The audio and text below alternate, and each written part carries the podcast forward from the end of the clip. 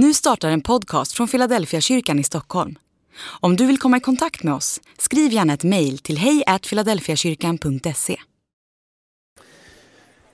Det här är sista söndagen av tre som vi har haft inledningen på det här nya året med fokus på det vi uppfattar att Gud kallar oss till. Och vi har använt ett bibelord i Uppenbarelseboken. Jag ska läsa det strax igen. Tredje gången gilt blir det nu.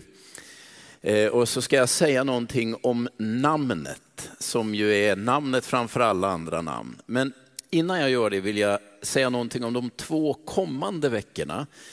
Vi har nämligen sagt att två veckor nu så ska vi kalla till bön och fasta.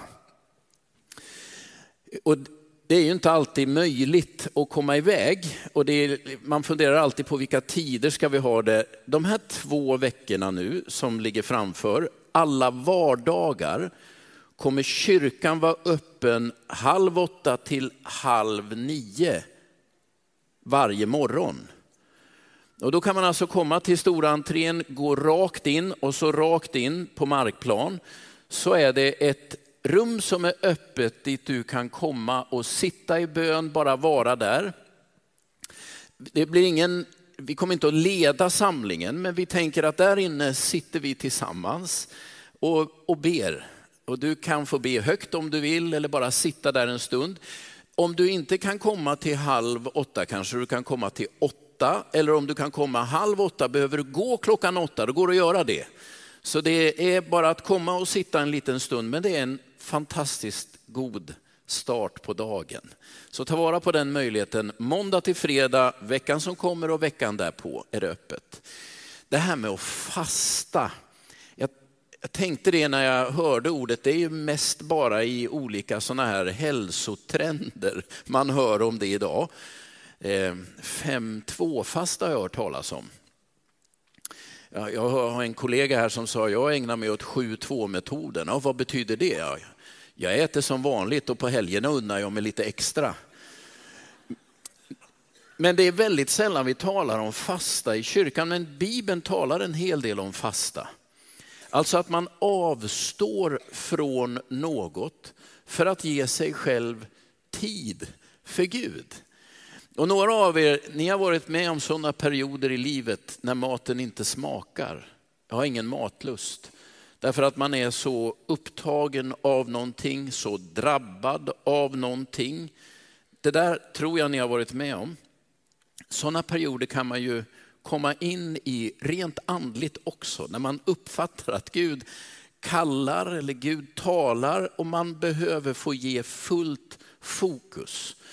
För några så skulle det kunna vara så att under en period inte äta precis lika mycket som vanligt. Tänka på att göra det lite enklare. Det jag tror att de allra flesta skulle behöva avstå ifrån det är ju den här.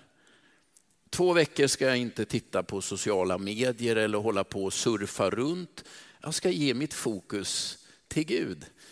Och alla ni som ägnar er åt att slå ihjäl tid på kvällarna framför en tv eller en padda eller något sånt där. Tänk om ni skulle avstå det under två veckor. Och så göra det med tanke på att lyssna in om Gud vill säga någonting. Ta tid att låta hjärtat få vara i Guds närhet. Man behöver göra sådana där saker ibland, bli lite, lite, praktisk. Så när vi säger bön och fasta, då tänker vi att bön är det viktiga. Vad det är du ska avstå ifrån, det kan du fundera på. Men att under två veckor bara dämpa allt surr runt omkring dig och låta hjärta, tanke och känsla söka sig in i Guds närvaro. Och om du vill, om du kan, titta förbi här någon morgon, morgon bitti 7.30 börjar vi och så är det två veckor. Nu ska jag läsa från Uppenbarelseboken kapitel 3 och vers 7 och 8. Skriv till ängeln för församlingen i Philadelphia. Bara det räcker ju för att ni ska fatta varför det är det här bibelordet vi har tagit. Det är ju skrivet till Philadelphia. Så vi tänker det här måste vara till oss.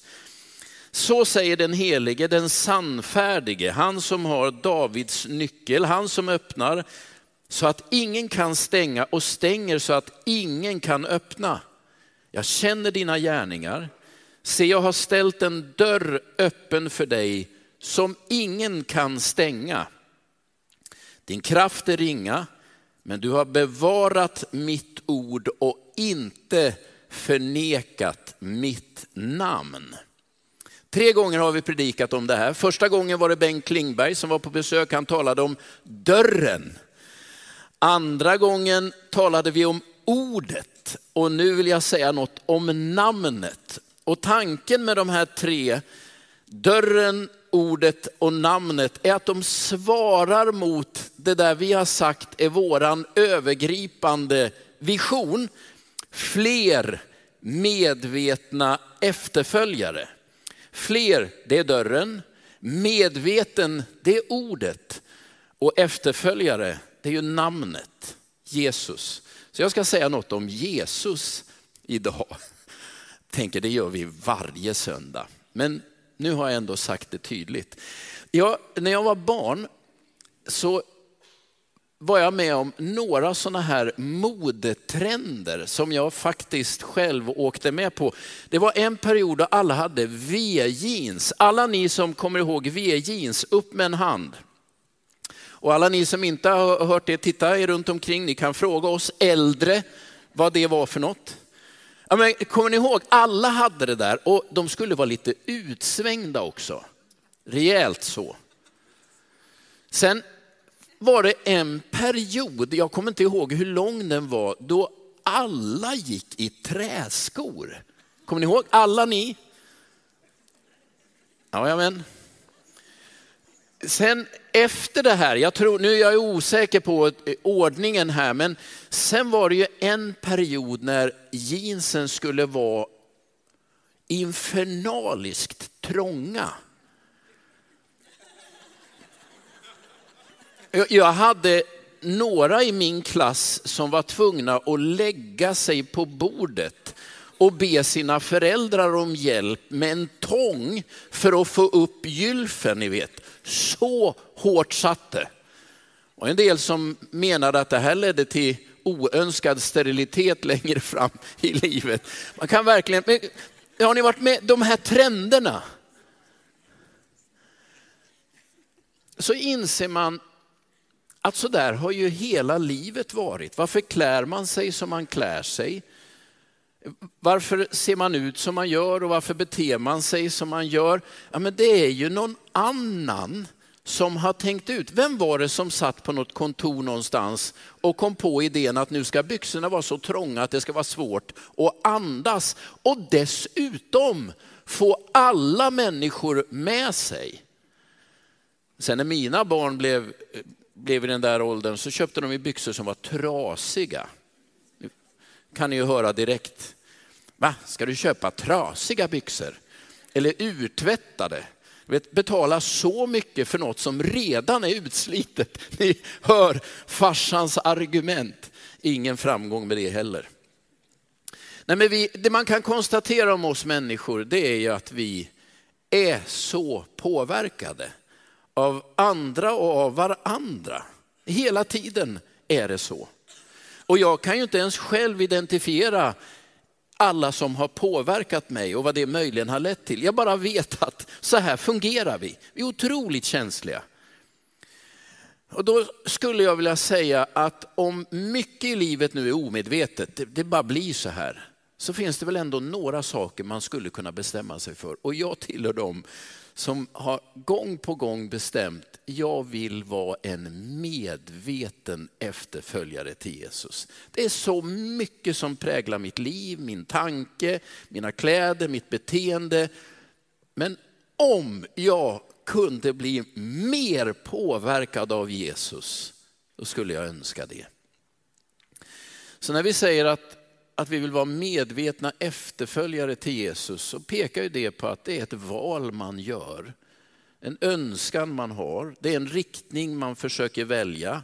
Och inte en gång utan om och om igen. Och det är en riktning som har många konkurrerande alternativ. Så jag fattade det där beslutet om och om igen. Fatta beslutet när man kommer in i konflikter, ni vet när man plötsligt tänker vad ska jag säga nu? Och så eh, börjar det sticka åt olika håll så tänker jag, nej men jag följer Jesus. Så jag vill gå den här vägen. Eller när man tänker, nu har jag verkligen lyckats, och man vill fira sig själv, vilket jag tycker är rimligt i rimliga gränser eller i rimliga mängder. Men så inser jag, men jag följer Jesus. Allt jag kan, allt jag är, varje talang, förmåga jag har, allt jag någonsin lyckas med, är bara en gåva. Jag följer ju Jesus, äran är hans. Ni vet den där typen av omförhandling och förhandling med mig själv, det sysslar jag med hela tiden. Och det är det jag skulle vilja inbjuda dig till att göra. Vad, är, eh, vad innebär det att vara kristen? Många saker, men det är ju att om och om igen tänka, jag följer Jesus. Jag vill vara präglad av honom. Det är, det är honom det handlar om, det är på något sätt centrum som jag hela tiden söker mig till. Så säger ju det här bibelordet till församlingen i Philadelphia. Du har inte förnekat mitt namn. I inledningen sjöng vi ju om namnet.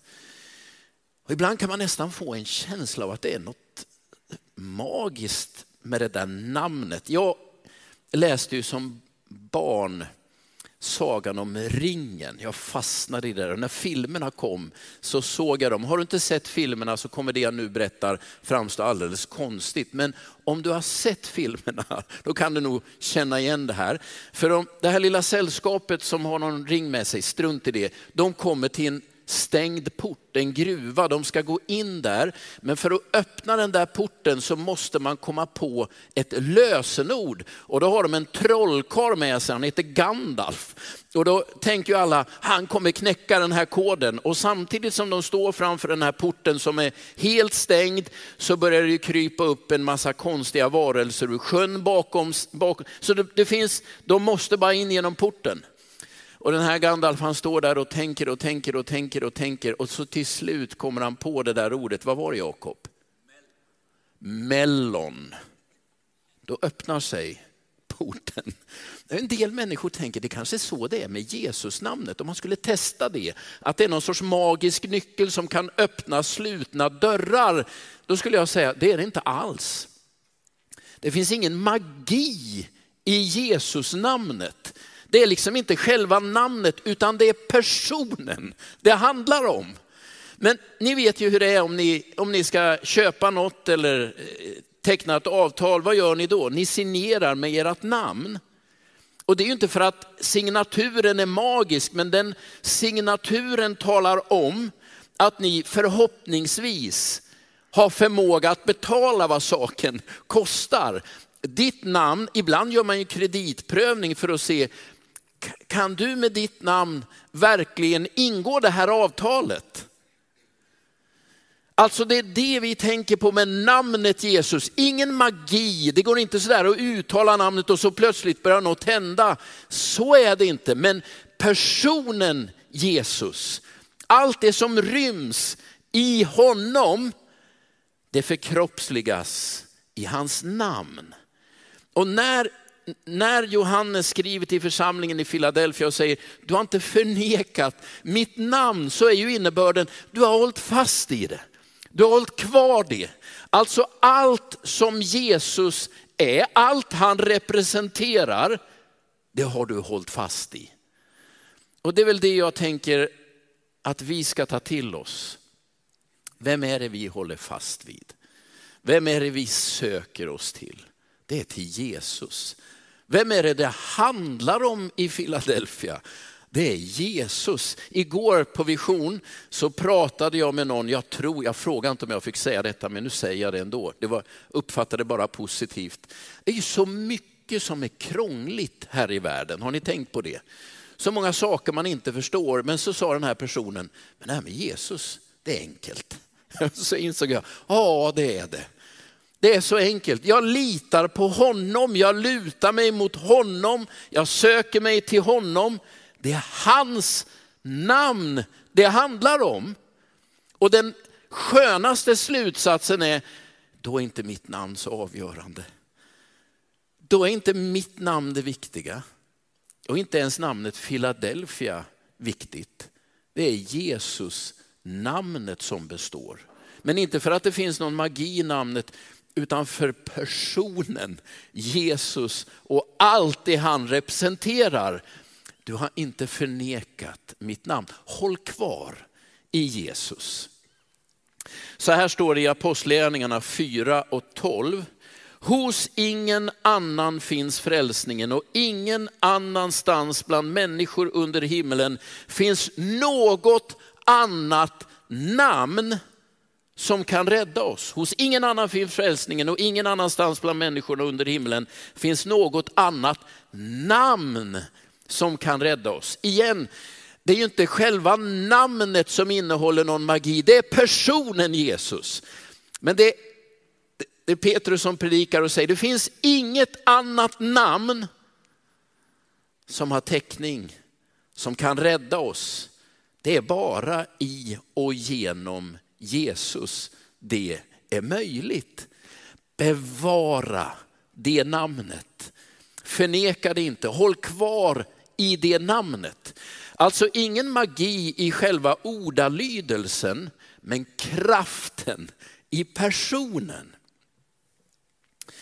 Så här står det i, i Romarbrevet kapitel 10 och vers 9. Om du med din mun bekänner att Jesus är Herre och i ditt hjärta tror att Gud har uppväckt honom från de döda, då blir du räddad. Det här är ju ett sätt att beskriva vad det där namnet har täckning för. Om du med din mun bekänner, alltså jag tillhör Jesus och i ditt hjärta tror att Gud har uppväckt honom från de döda, då blir du frälst. Hörrni, vad, vad tror ni om den ekonomiska situationen i Sverige nu? Kommer vår nuvarande regering få bukt på inflationen? En viktig fråga. Kommer den nya regeringen, eller den vi har nu då, fixa tillräckligt med jobb? Det är ju rätt kärva tider, vad tror ni? Kan man lita på det? Vi höjer insatsen. Tror ni att, eh, att makthavarna nu eh, kommer att få ordning på klimatfrågan? Vad tänker ni? Man har ju lite spekulationer. Nu undrar ni vart jag är på väg, men häng med lite till. Hur kommer det gå med sjukvården i det här landet? Jag är ju rätt intresserad av det i mitt tillstånd. Vad tror ni, kommer nuvarande regering eller eh, nästa president i USA, kommer de lösa cancerns gåta? Det kan man ju inte svara på. Man kan liksom fundera på vad, vad kan olika makthavare lyckas med? Tror ni att Sveriges statsminister kan besegra döden? Nej, nu fattar ni. Det, jag vill bara säga, det vi tror om Jesus, lyssna noga nu, är ju inte att han har besegrat inflationen eller löst klimatfrågorna. Det vi säger, det vi djupet tror, är att han har besegrat döden. Och om han har besegrat döden, då har han besegrat allt annat som håller på att ödelägga denna värld. Hos ingen annan finns frälsningen och ingen annanstans bland människor finns något annat namn som kan rädda oss. Det vill säga den där skadliga koden som har infiltrerat vår värld och långsamt håller på att förstöra allt och alla och som slutligen leder till döden. Den koden har Jesus besegrat. Hans namn är det namn som står över alla andra namn. Det är det här Jesus själv säger till sina lärjungar. Åt mig har getts all makt i himmelen och på jorden. Vad är det vi lägger i det där namnet Jesus? Han har besegrat döden. Och därmed finns det ingen fiende, ingen makt, ingen kraft, ingen ondska, ingen politisk makthavare eller militär befälhavare. Ingen kan utmana honom. Han har all makt i himmelen och på jorden. Du har inte förnekat mitt namn. Och vi säger ju att i hans namn kan alla synder förlåtas. I hans namn har du frid med Gud. I hans namn kan du bli fylld med helig ande. I hans namn kommer till sist himmel och jord och hela denna värld att total renoveras. Allt det finns i namnet. Det är det namnet allt handlar om. Kan ni det andra budet, ni vet de tio budorden. Första budet, du ska inga andra gudar ha vid sidan av mig. Hur är, lyder det andra budet? Det var ju, vilken jobb. Du ska inte missbruka Herren din Guds namn. Känner ni igen det? Det är det andra budet av de tio budorden som finns i, i eh, Moseböckerna. Du ska inte missbruka Herren din Guds namn. För många eh, tror jag det där har betytt att eh, man bör inte svära, vilket är en god tanke som jag vill stryka under. Det är onödigt. Men det är ju att minimera innebörden. Du ska inte missbruka Herren, din Guds namn. Vad betyder det? Jo, men det namnet representerar, du, växla inte ner det till något mindre. Det är att missbruka Guds namn. Om du säger det där kan inte Gud göra, tänk dig för. Och påstå inte heller att han kan göra saker som han har sagt inte är fullt möjliga ännu. Alltså tala sant och rätt om vem Gud är och vad han gör. Så när Bibeln säger missbruka inte Guds namn, så skulle jag säga misstro honom inte. Tro inte Gud om för lite. Det är ju det som jag inser är mitt värsta missbruk.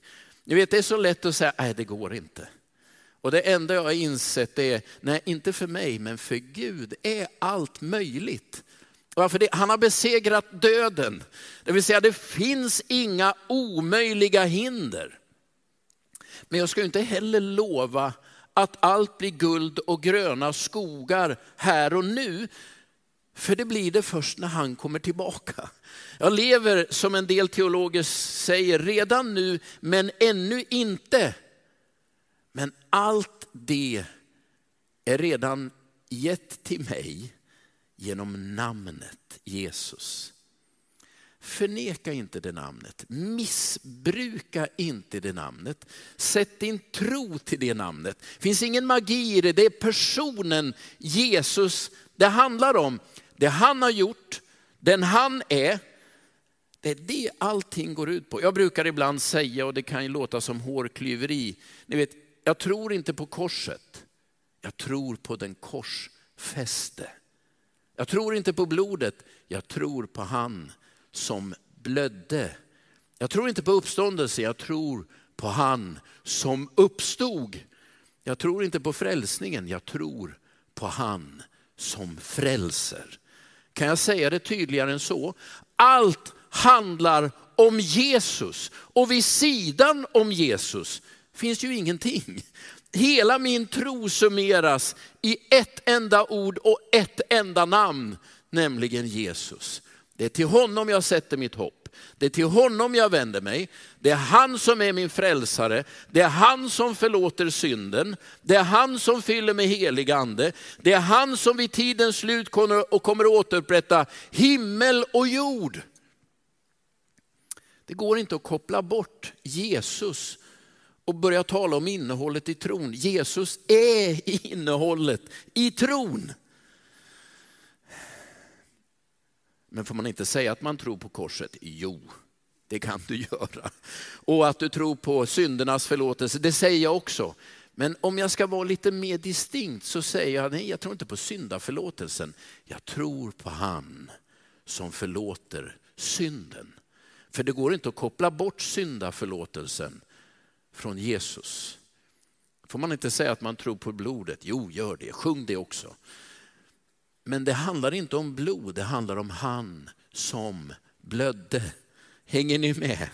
Kan jag säga det tydligare? Och så säger, så säger ju Johannes till församlingen, du har inte förnekat mitt namn.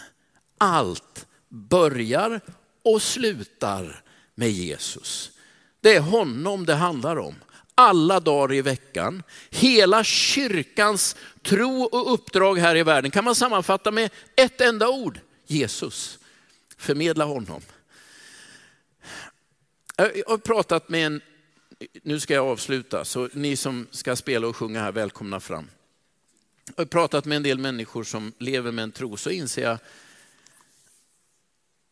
tror att det finns en massa lagar i universum.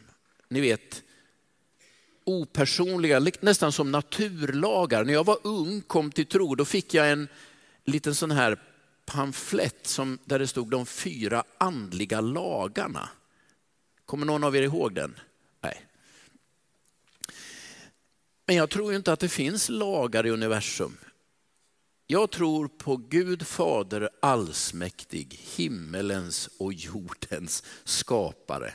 Jag tror på Jesus Kristus, hans enfödde son. Jag står inte i relation till någon sorts kosmiskt lagsystem. Jag är barn till himmelens och jordens skapare. Han har hela universum, inklusive mig, i sina händer. Och jag vet ju att så många undrar, oh, har jag gjort fel nu? Ja, hur ska man veta? Man kan inte alltid veta. Men jag vill säga till dig att det är Jesus som har allt i sina händer, inklusive dig. Och du kan vara trygg med det. Vad händer om man gör fel? Ja, då får man i värsta fall be om förlåtelse. Om en ny chans, får man det? Ja. Hur många gånger får man det? Sju gånger, frågade Petrus. Säger Jesus nej, sju gånger 70 kan man ju räkna efter, det blir 490, men tanken är att det är en oändlig mängd. Ja, men finns det ingen ordning i universum? Nej, det, det finns en person som har universum i sina händer. Och det är Jesus från Nasaret. Och med den vetskapen behöver man inte vara så orolig jämt. Jag följer honom, jag söker honom. Hans namn är mitt hopp. Och hans namn har jag uttalat och uttalar jag om och om igen. Inte för att jag tror att det finns någon sorts magisk kod i det, utan för allt han i sin person är och representerar. Det är liksom sammanfattat i det namnet. Missbruka inte det namnet. Tro inte för lite, lova inte heller för mycket. Håll dig till det som står i skriften. Han är den som sammanfattar allt. Hela universum är i hans händer. Och om du inte har bekänt dig till Jesus än, så är det min varmaste rekommendation att göra det. Vänd dig till honom, överlämna ditt liv i hans hand. Och har du gjort det förut, gör det igen. Hur ofta gör man det? Ja, jag gör det ju ett antal gånger varje dag. Här är jag, här är mitt liv, här är mina omständigheter. Jag lägger allt i dina händer. Om och om igen. Det är min ständiga övning. Och det är min rekommendation till dig som följer Jesus. Fortsätt med den övningen. Det är en livslång övning. Och om du inte har tagit beslut om att följa Jesus förut, gör det idag. Det kan knappt bli bättre. Innan jag går ner ska jag, ska jag be en bön och också göra en inbjudan. Men var med mig nu så ber vi.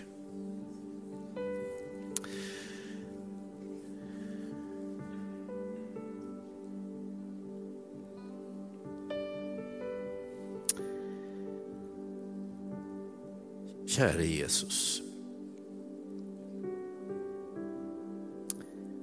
Du vet att vi älskar ditt namn.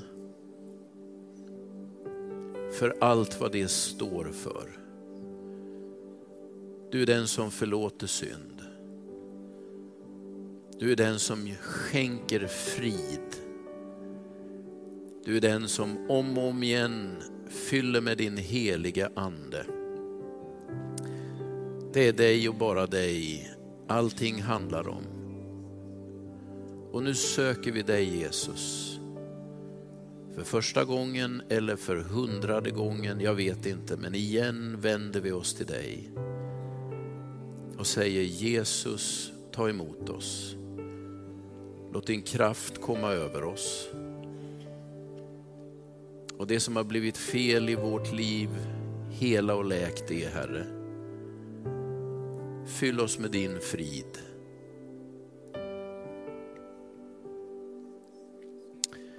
Så skulle jag bara vilja göra en inbjudan. Om du är här som skulle vilja ta emot Jesus som din frälsare. Det är honom det handlar om. Han vill förlåta din synd, han vill ge dig frid med Gud. Han vill leda dig på rätta vägar. Om du är här och tänker, jag skulle vilja det, så kan du alldeles strax bara lyfta din hand så kommer jag be en välsignelsebön över dig. Men jag tror ibland att det är viktigt att liksom för sig själv säga, det här vill jag. Om du är här idag och tänker, jag vill, jag vill ta emot Jesus, jag skulle vilja bli en kristen. Lyft din hand nu så ska jag be en välsignelsebön över dig. Där du sitter, lyft din hand. Gud välsigna dig. Gud välsigna dig. Gud välsigna dig. Gud välsigna dig. Gud välsigna dig. Är det någon mer innan jag ber?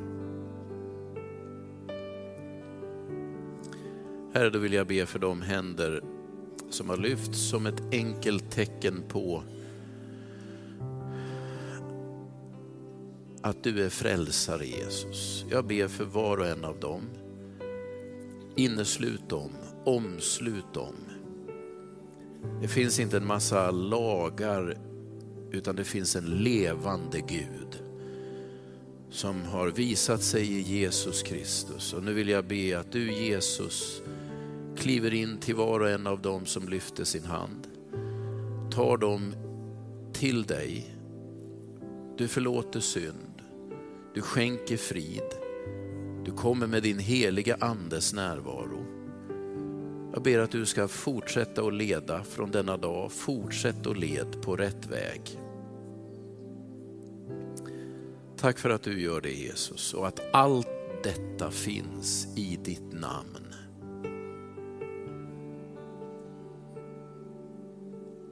Jag ställer en fråga till.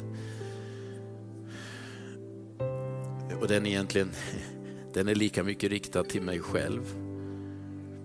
Men är du, sitter du här och tänker, Nej, men det är Jesus det handlar om. Jag är upptagen av så mycket andra saker, men tänker nu Jesus, här är jag. Jag kommer till dig. Jag vill bekänna ditt namn, hålla mig till dig. Om du tänker så, så kan du göra precis som jag gör just nu. Lyft din hand så ska jag be för alla oss. Jesus, du ser oss som nu sitter med en hand i luften och vet vad det betyder. Det är dig det handlar om. Det är din kraft, det är ditt rike, det är din vilja. Det är din frälsning, det är din nåd, det är din frid. Herre, allt detta vill vi igen sträcka oss efter. Tack för att du ger så generöst om och om igen. Vi bekänner ditt namn och vi ber låt ditt namn prägla våra liv, våra val, våra tankar, våra känslor. Herre, låt allt det du är och allt det du står för forma oss mer och mer. Amen.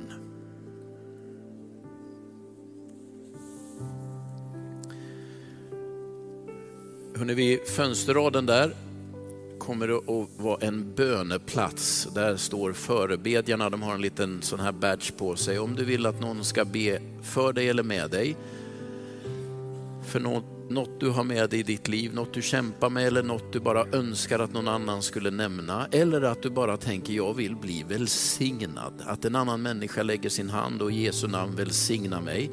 Då är du välkommen att gå dit när vi nu sjunger några lovsånger tillsammans. Vi ska göra så att vi ställer oss upp och eh, den där böneplatsen är öppen och den kommer vara öppen efter gudstjänsten också om du är mer bekväm att gå då.